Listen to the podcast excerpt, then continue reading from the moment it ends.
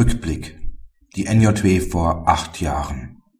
Polarisierendes Arbeitsrecht.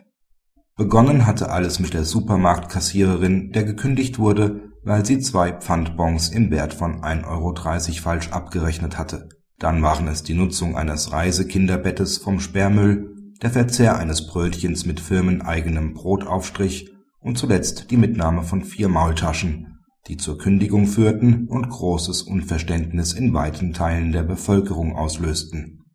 Potential, die Stimmungen anzuheizen, hat sicherlich auch ein Fall, der vom BAG vor acht Jahren entschieden wurde (NJW 2001, Seite 2994). Dort war der Klägerin nur eine Woche nach dem Tod ihres Lebensgefährten aus betrieblichen Gründen gekündigt worden. Eine zur Unzeit ausgesprochene Kündigung führt aber zu keiner Nichtigkeit der Kündigung, wenn es an weiteren sittenwidrigen und treuwidrigen Umständen mangelt, lautete die Entscheidung aus Erfurt.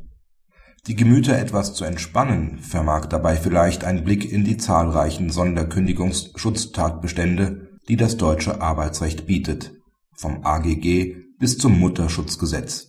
Felix Oelkers listet in NJW Spezial liegt dieser NJW bei die wichtigsten Regelungen zum Sonderkündigungsschutz auf und kommentiert einzelne Vorschriften